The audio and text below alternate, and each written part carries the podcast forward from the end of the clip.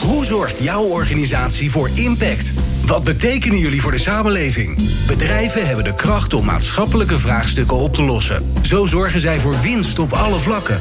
In Impact hoor je leiders en experts over duurzaamheid, MVO, circulaire economie en natuurlijk Impact met Glenn van der Burg. Naast de enorme ontwikkelingen rond wind- en zonne-energie ontwikkelt zich ook een waterstofeconomie.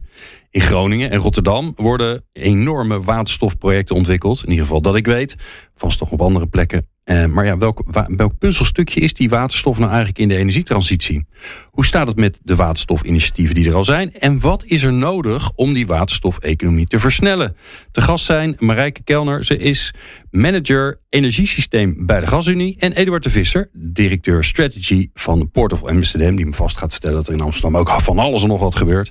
Deze podcast maken we eh, vanaf de Schelling tijdens Springtijd 2022. Het is een jaarlijkse forum waarin samenwerkingen worden gesmeed en krachten worden gebundeld om de wereld te verduurzamen. En dat is hard nodig, want merken wij hier al in ons podcasthuisje, waar het met een klein beetje zon heel erg warm is. Uh, maar wij slaan ons er doorheen. Uh, ja, die bouwstenen voor die energietransitie, die grote bouwstenen, dat zijn zon en wind. Maar hoe past waterstof dan daar eigenlijk in? Uh, bij jou maar even beginnen, Marijke. Ja, nou, van zon en wind kun je natuurlijk waterstof maken. En de industrie die, heeft, uh, die moet verduurzamen en waterstof is daar een hele belangrijke uh, energiebron en ook grondstof. Dus met die wind en die zon kunnen we daar waterstof maken en die industrie helpen om te verduurzamen. Dus dat is een belangrijk okay. element. Oké, okay, dus die waterstof die gaat eigenlijk het gas wat ze nu gebruiken vervangen als bron van energie. Nee, die moet niet zeggen drager van energie. Hè? Dan zeg ik het volgens mij goed. Ja, dat klopt. Oké. Okay. Ja. En neem maar mij eens mee, wat voor industrie moet ik daaraan denken? Die, uh, wat je zou kunnen zeggen, ja, gewoon alles elektrificeren, gewoon alles met elektriciteit doen. Ja, maar grondstof is ook een belangrijk element voor de industrie. Denk aan de staalindustrie. Denk aan de raffinaderijen, die hebben ook waterstof nodig. Uh, maar ook de chemie en de kunstmestindustrie. En ook zij ja, moeten nadenken hoe gaan we minder fossiel gebruiken. En dan is aardgas een heel, of waterstof een heel goed alternatief. Ja, want als ik het kaartje van Nederland een beetje in mijn hoofd heb, dan heb je natuurlijk Tata Steel, dat kent iedereen, Noord-Holland. Je hebt volgens mij een hele grote kunststof, kunst, ja, kunst, kunstmestfabriek staan bij Rotterdam, Zeeland. hè? Zeeland. Zeeland, Zeeland. en in- Dow, Dow Ja. Chemicals heb je in Zeeland. Je hebt Gemmelot in, ehm, Limburg. in Limburg. Ja. Wat hebben we nog meer voor, eh, voor grote energieslurpers? Nou ja, Nou, vergeet, de luchtvaart niet. Ja, Dus eh, er zijn natuurlijk inderdaad grote, en dat is denk ik ook een beetje de, de essentie van waterstof versus elektriciteit. Ja, als je het kan elektrificeren, zou ik bijna zeggen, doe dat. Eh, maar er zijn een hele, want waarom? Wat nou, dan heb je het minste zogenaamd conversieverlies. Want inderdaad, waterstof maak je van elektriciteit. Dus daar zit een, een, een, een, ja, een, een omslag en dus ook een omslagsverlies in. Maar er zijn sectoren die zich niet laten elektrificeren. Eh, als jij met een, een, een beetje fatsoenlijke Boeing eh, de oceaan over wil, ja, dan zou je bij wijze van spreken meer batterijen in dat vliegtuig moeten hebben dan dat er aan passagiers überhaupt ruimte is. Dus daarvoor zijn eh, elektriciteitsoplossingen eigenlijk niet realistisch. Dus dan ga je inderdaad naar alternatieven en dan zijn ja, waterstof en waterstof als basis voor duurzame brandstoffen is eigenlijk de logische stap. ja. Nou, ehm, ehm, is de gastunie natuurlijk gewend om eh, van alles en nog wat met het eh, Nederlandse aardgas te doen. Hoe zit, hoe zit de waterstof dan bij jullie nu in, eh, in de portefeuille? Nou, eigenlijk is dat nu een, eh, een eh, separate businessgroep die zich daarmee bezighoudt. Want we moeten natuurlijk in gesprek met die industrie. We moeten ook kijken, ja, waar wordt die eh, waterstof dan gemaakt? Eh, nou, op zee is een eh, mogelijkheid eh, vanuit de- wind op zee bijvoorbeeld. Maar er zijn ook diverse industrieën bezig om waterstof te maken. door bijvoorbeeld CO2 uit bepaalde gassen te halen. Daar kun je ook waterstof uit maken. En uiteindelijk is het dan de kunst om die hele keten van aanbod, transport naar vraag ook bij elkaar te brengen. Ja. Welke rol gaan jullie daar dan in spelen, Marijke? Nou, onze rol is eh, vooral ook transport eh, van zeg maar het aanbod naar de vraag. Maar daarnaast zijn we ook bezig met eh, import van waterstof. Eh, want ja, we kunnen het niet allemaal alleen in Nederland produceren. Dus eh, we kijken ook eh, naar importterminals om eh, waterstof eh, vanuit andere landen naar hier te halen. En Die opslag komen dan is- gewoon per boot aan. die komen dan per boot aan. Bijvoorbeeld Ja. in Amsterdam. Bijvoorbeeld. Ja. Ja. Zijn daar plannen voor, Eduard? Absoluut.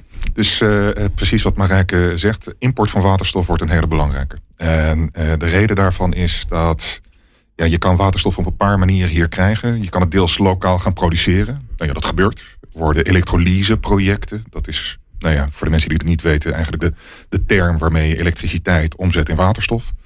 En dat gebeurt in Amsterdam, dat gebeurt in IJmuiden bij Tata Steel, maar dat gebeurt ook in Groningen en in Rotterdam. En dat is denk ik heel goed. Ja. Tegelijkertijd... Hebben jullie al wat staan in Amsterdam, in de, in de haven? Nou, er wordt op dit moment, uh, in alle eerlijkheid, er staat op dit moment met name plannen. Oké. Dus, daar begint het eh, mee, toch? Daar begint het Ja. mee. Dus, en die plannen zijn zeer ver gevorderd. En het goede nieuws is ook dat daar nu bij een aantal partijen nou ja, gewoon concreet commitment is afgegeven dat ze dat gaan realiseren. Maar ja, dan komt daarna inderdaad meer de technische fase. Dat je dat moet gaan zitten uitrekenen, moet gaan zitten uittekenen. En welke Ja. buizen en welke leidingen. En dat is de fase waar we nu in zitten. Ruimte nodig. Dat is ingewikkeld volgens mij in. Amsterdam, toch? Dat is ingewikkeld, Ja. eh, want het is een druk bebouwd gebied. En dat komt eigenlijk ook weer terug bij de vraag... je wil dus niet grenzeloos maar elektrolysefaciliteiten bouwen. Het kan makkelijker en ook goedkoper en efficiënter om dat te importeren. En dat is wat Amsterdam eigenlijk al decennia lang doet. Amsterdam is een hele grote energiehaven. Ja, dat Eh, weet bijna niemand, hè? Nee, dat is denk ik een van de best bewaarde geheimen van, eh, nou, van Nederland, maar ook van Amsterdam. Ja. Ja. Nee, een kwart van de nationale nou ja, eh, energieopslag vindt in Amsterdam plaats. De bevoorrading van Schiphol gaat via Amsterdam. Dus dat, maar ik beschouw positief. Het feit dat niemand het weet, betekent ook dat niemand er last van heeft. Dus dat, is, dat, is een, dat is een goed ja, teken. jullie hebben goed je werk gedaan. Ja. ja. Eh, maar we zullen gaan importeren inderdaad uit, eh, uit gebieden. Denk dus aan het, aan het Midden-Oosten, Noord-Afrika. Eh, denk ook aan landen zoals Schotland. Vindt wil, veel wind op zee in, het, in Schotland en in Ierland plaats. Dus dat zijn plekken waar wij Ja. waterstof vandaan zullen gaan halen. Ja. En dat gaat per schip.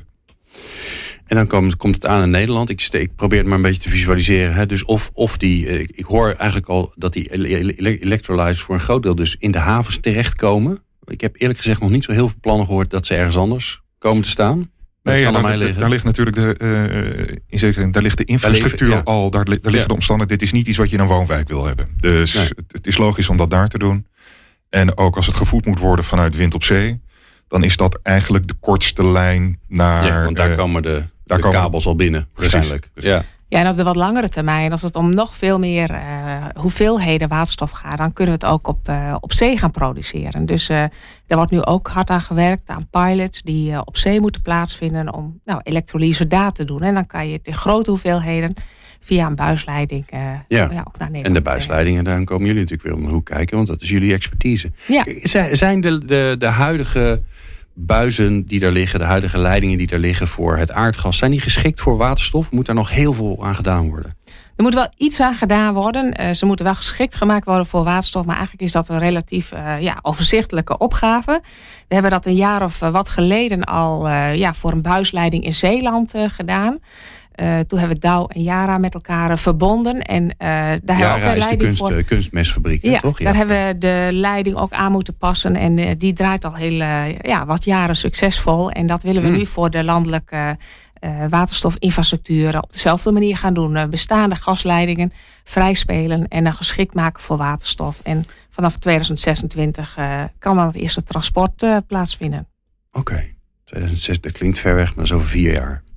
Dat is eh, heel Ja. snel, ja. Ja, toch? Klopt. Dat is eigenlijk heel snel. Ja. Want En, we eh, hebben niet het alleen- over lange afstanden, toch?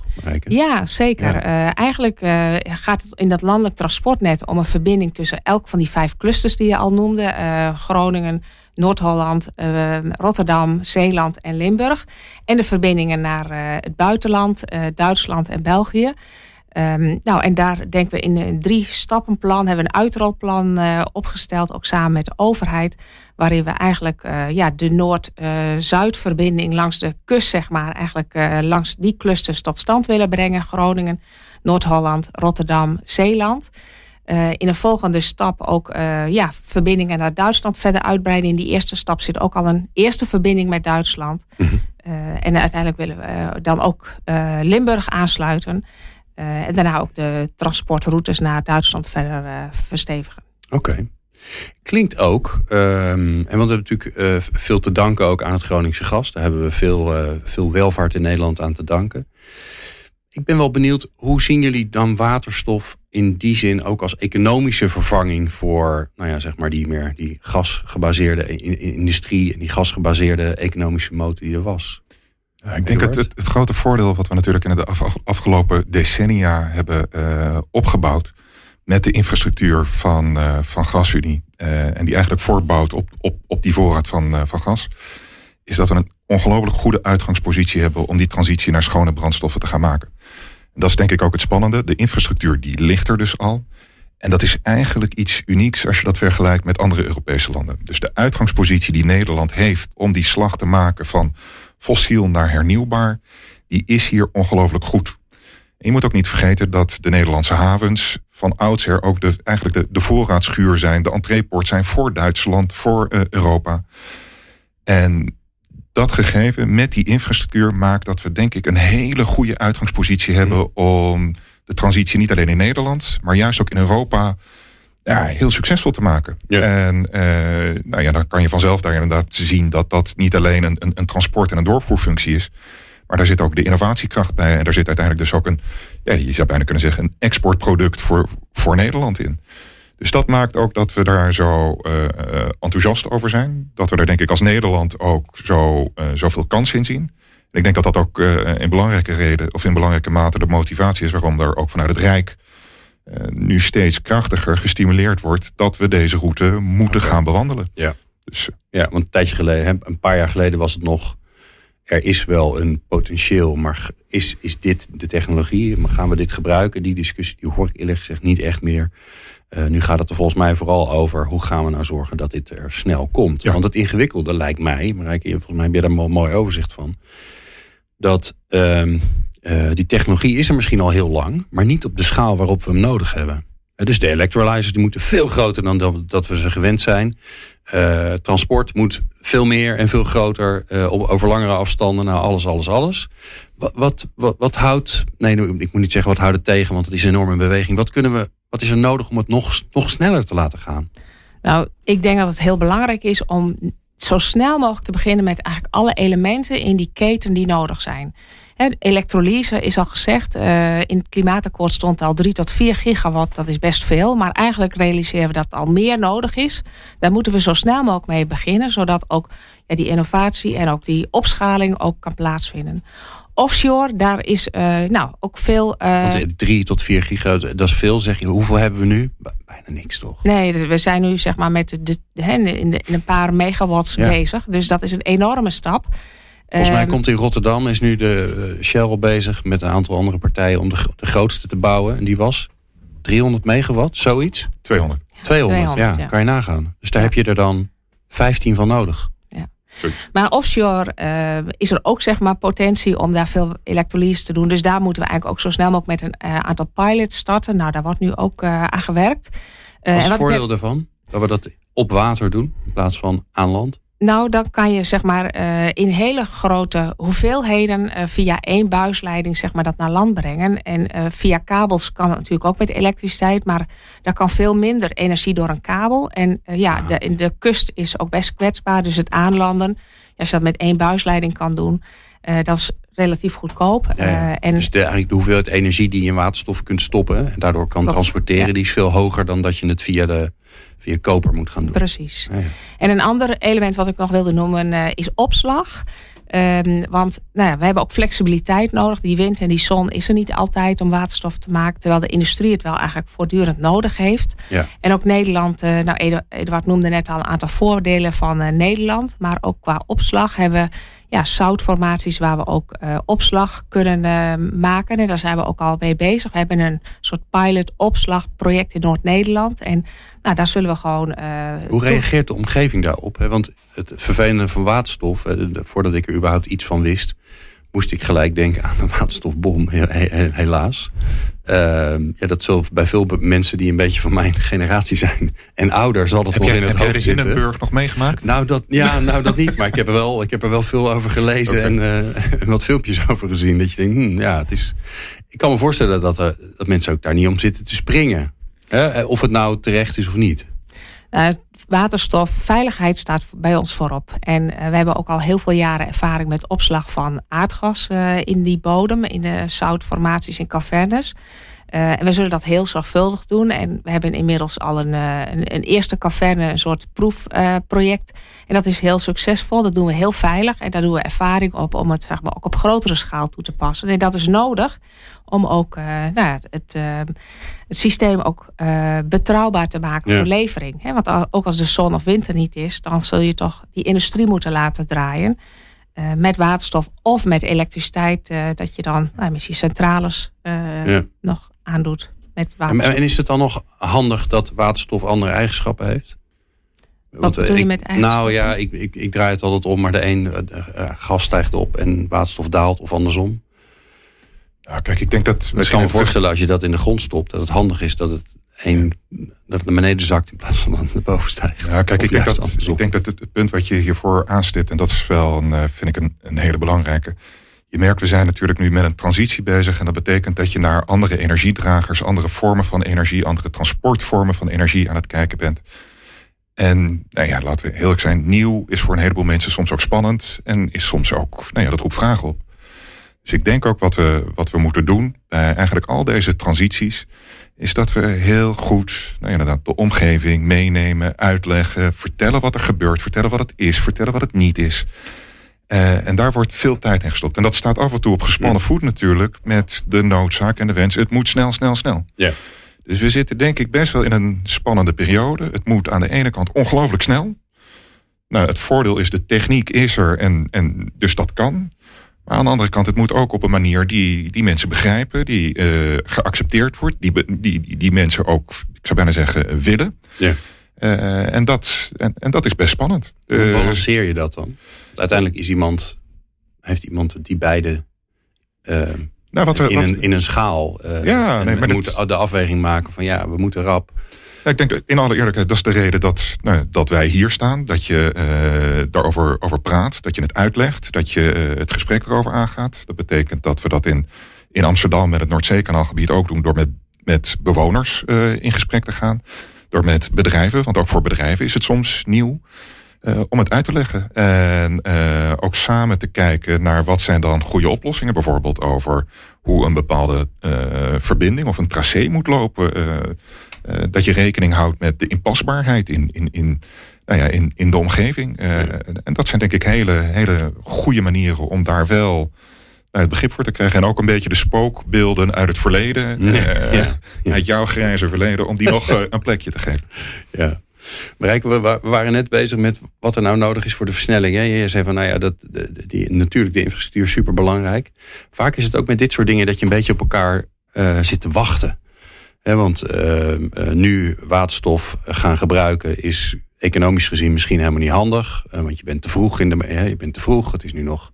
Nou ja, gasprijzen nu ongelooflijk duur. Daar hebben we dan misschien een beetje mazzel mee met deze hele transitie. Um, wat, wat, zou er, wat zou er helpen om nog, nou ja, om nog wat meer vaart te maken?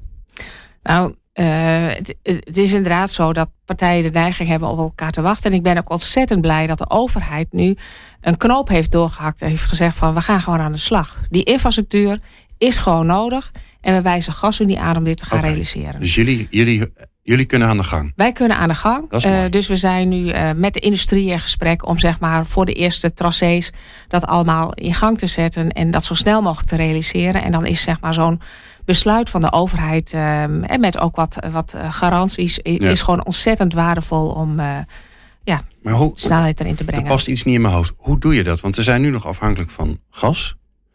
Je wil over naar waterstof. Je wil die, die leidingen daar geschikt voor maken. Maar ja, je kunt niet alles tegelijk. Want zolang er nog gas doorheen gaat, kun je er niet aan sleutelen en kun je er niks anders doorheen sturen. Nou, we hebben in Nederland een enorm uitgebreid uh, aardgasnet. Uh, en nou, dat is ook een van de voordelen. Um, eigenlijk het landelijke net bestaat nu uit meerdere leidingen parallel uh, in veel gevallen. Soms wel twee, drie of zes of zeven leidingen. En je kan je voorstellen als er minder aardgas wordt gebruikt, dat er dan ook bepaalde leidingen vrijgespeeld kunnen worden. Uh, die we dan eigenlijk ook heel snel uh, kunnen uh, omvormen naar mm. waterstof. En daarmee kunnen we dan ook tempo maken. Dat gaat natuurlijk veel sneller dan ja, een hele nieuwe leiding leggen ja. of andere infrastructuur. Ja. ja, want daar moeten we niet aan denken, toch? Dat we van Noord naar Zuid-Nederland een nieuwe leiding zouden moeten leggen met alle inspraakprocedures. Dan zijn we in 2050 hebben we misschien. Ja, dat, dan zijn we te laat. is heel, heel tijdsintensief. En Ja. hiermee kunnen we dus ook met bestaande infra heel veel snelheid maken. Ja, mooi. Eduard, wat is er nodig? Nou ja, wat dat betreft eh, eh, nu doorpakken. Eh, voor een deel is het ook inderdaad beginnen. Ik denk wat Marijke goed Maar jij, aan- jullie hebben die plannen liggen. Hartstikke goed. Maar ja, plannen hebben we. Nee, Die dus- moeten, er moet gewoon schop in de grond, moeten dingen gebouwd worden. Precies. Dus wat wij inderdaad ook als, als havenbedrijf doen, is daar inderdaad al de terreinen voor beschikbaar te maken, die voorbereiden. Waar GasUnie zich richt op de zogenaamde hoge druk infrastructuur, zitten we vervolgens al nu te kijken hoe gaan we dat vervolgens distribueren naar, Ja. de, naar de Jullie eindgebruikers. zorgen voor de vertakking Dus eigenlijk. wij zorgen nu voor de vertakkingen, daar zijn we nu mee bezig. En daar dus eigenlijk ook al de aanleg van te gaan organiseren. Dus Maar dat betekent dat jullie daarin moeten gaan investeren. dat klopt. Dat klopt. En kunnen jullie die beslissing zelfstandig nemen? Of is dat. Want je gaat in iets investeren wat nog niet of nauwelijks wordt gebruikt, wat voor de toekomst is. Ja. Dat is een. Dat is, ja, daar loop je ook risico over. Klopt. Nee, en ik denk dat hier precies het, het, het, dilemma zit tussen wat net kwam. Moet je gaan zitten wachten totdat alles 100% zeker is? Als we dat doen, dan, dan komt het niet of veel later pas van de grond. Of begin je vanuit een overtuiging dat je dat kan doen? Ik Hm. denk dat wij als havenbedrijf hebben daarin een, denk ik ook iets meer de mogelijkheid om nou ja, op, op, op visie eh, te handelen, eh, te ontwikkelen. Eh, onze rol is natuurlijk ook voor een deel om het vestigingsklimaat voor bedrijven, om dat te investeren, om dat te ontwikkelen. En dat is precies wat we doen. Ja. Dus wij bouwen inderdaad met GasUnie naar eh, de hoge drukleidingen. We zijn met een, eh, een partij als Liander zijn we bezig om te kijken naar de lage druk aftakkingen. We zijn met CO2-infrastructuur bezig. Dus eigenlijk al die voorzieningen die we nodig hebben om zo meteen de stap te maken naar waterstofproductie, maar ook synthetische brandstoffen voor de luchtvaart. Ja, daar investeren wij nu al in, zodat dat van de grond kan komen. Niet wachten, want dan, eh, dan duurt het allemaal te lang. Mooi. Ehm, misschien een leuke laatste vraag voor, eh, voor eh, specialisten, ondernemers die luisteren. Ehm, dit klinkt als een, als een ontluikende, razendsnel ontwikkelende nieuwe economie. De waterstofeconomie noemen we die maar even. Waar, ehm, waar liggen de kansen voor de ondernemers? Waar moet je induiken? Marijke. Ik denk dat eh, er heel veel kansen liggen nu we gewoon eh, voortvarend aan de slag zijn in Nederland. We zijn echt een beetje koploper van de wereld ook. Hè. Japan is al heel ver, maar we in Nederland zijn we ook echt ver. Dus als ondernemers meedoen en ook kansen zien, dan denk ik dat dat ook heel veel eh, schaalmogelijkheden heeft elders in de wereld. Dus Ja. daar zie ik mooie kansen voor de ondernemers in Nederland. Ja, en als je nog een, als je nog een nieuw vak zoekt, dan, Ja, dan is liggen hier kansen volgens mij. absoluut. toch? Ja? absoluut. Ja. Technici zijn zeer welkom. Ja, geen eh, opleiding tot eh, economie, economie of communicatieadviseur, maar gewoon lekker de waterstof in, zou ik zeggen. Absoluut. Dat hebben jullie heel hard nodig. Ja.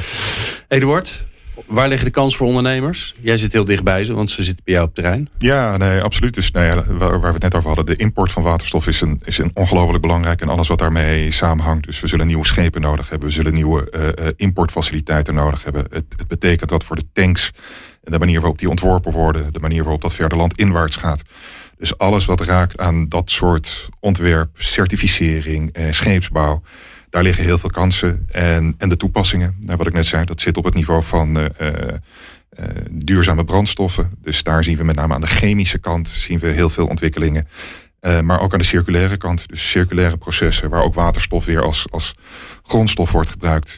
Dus in die hoek, daar zitten heel veel kansen en daar wordt ook volop geïnvesteerd. En daar is ook ruimte voor, voor creatieve ideeën, nieuwe ondernemers, enthousiaste partijen. Ik zou zeggen, kom langs, pak Ja, de telefoon. je kan Eduard Laat je horen.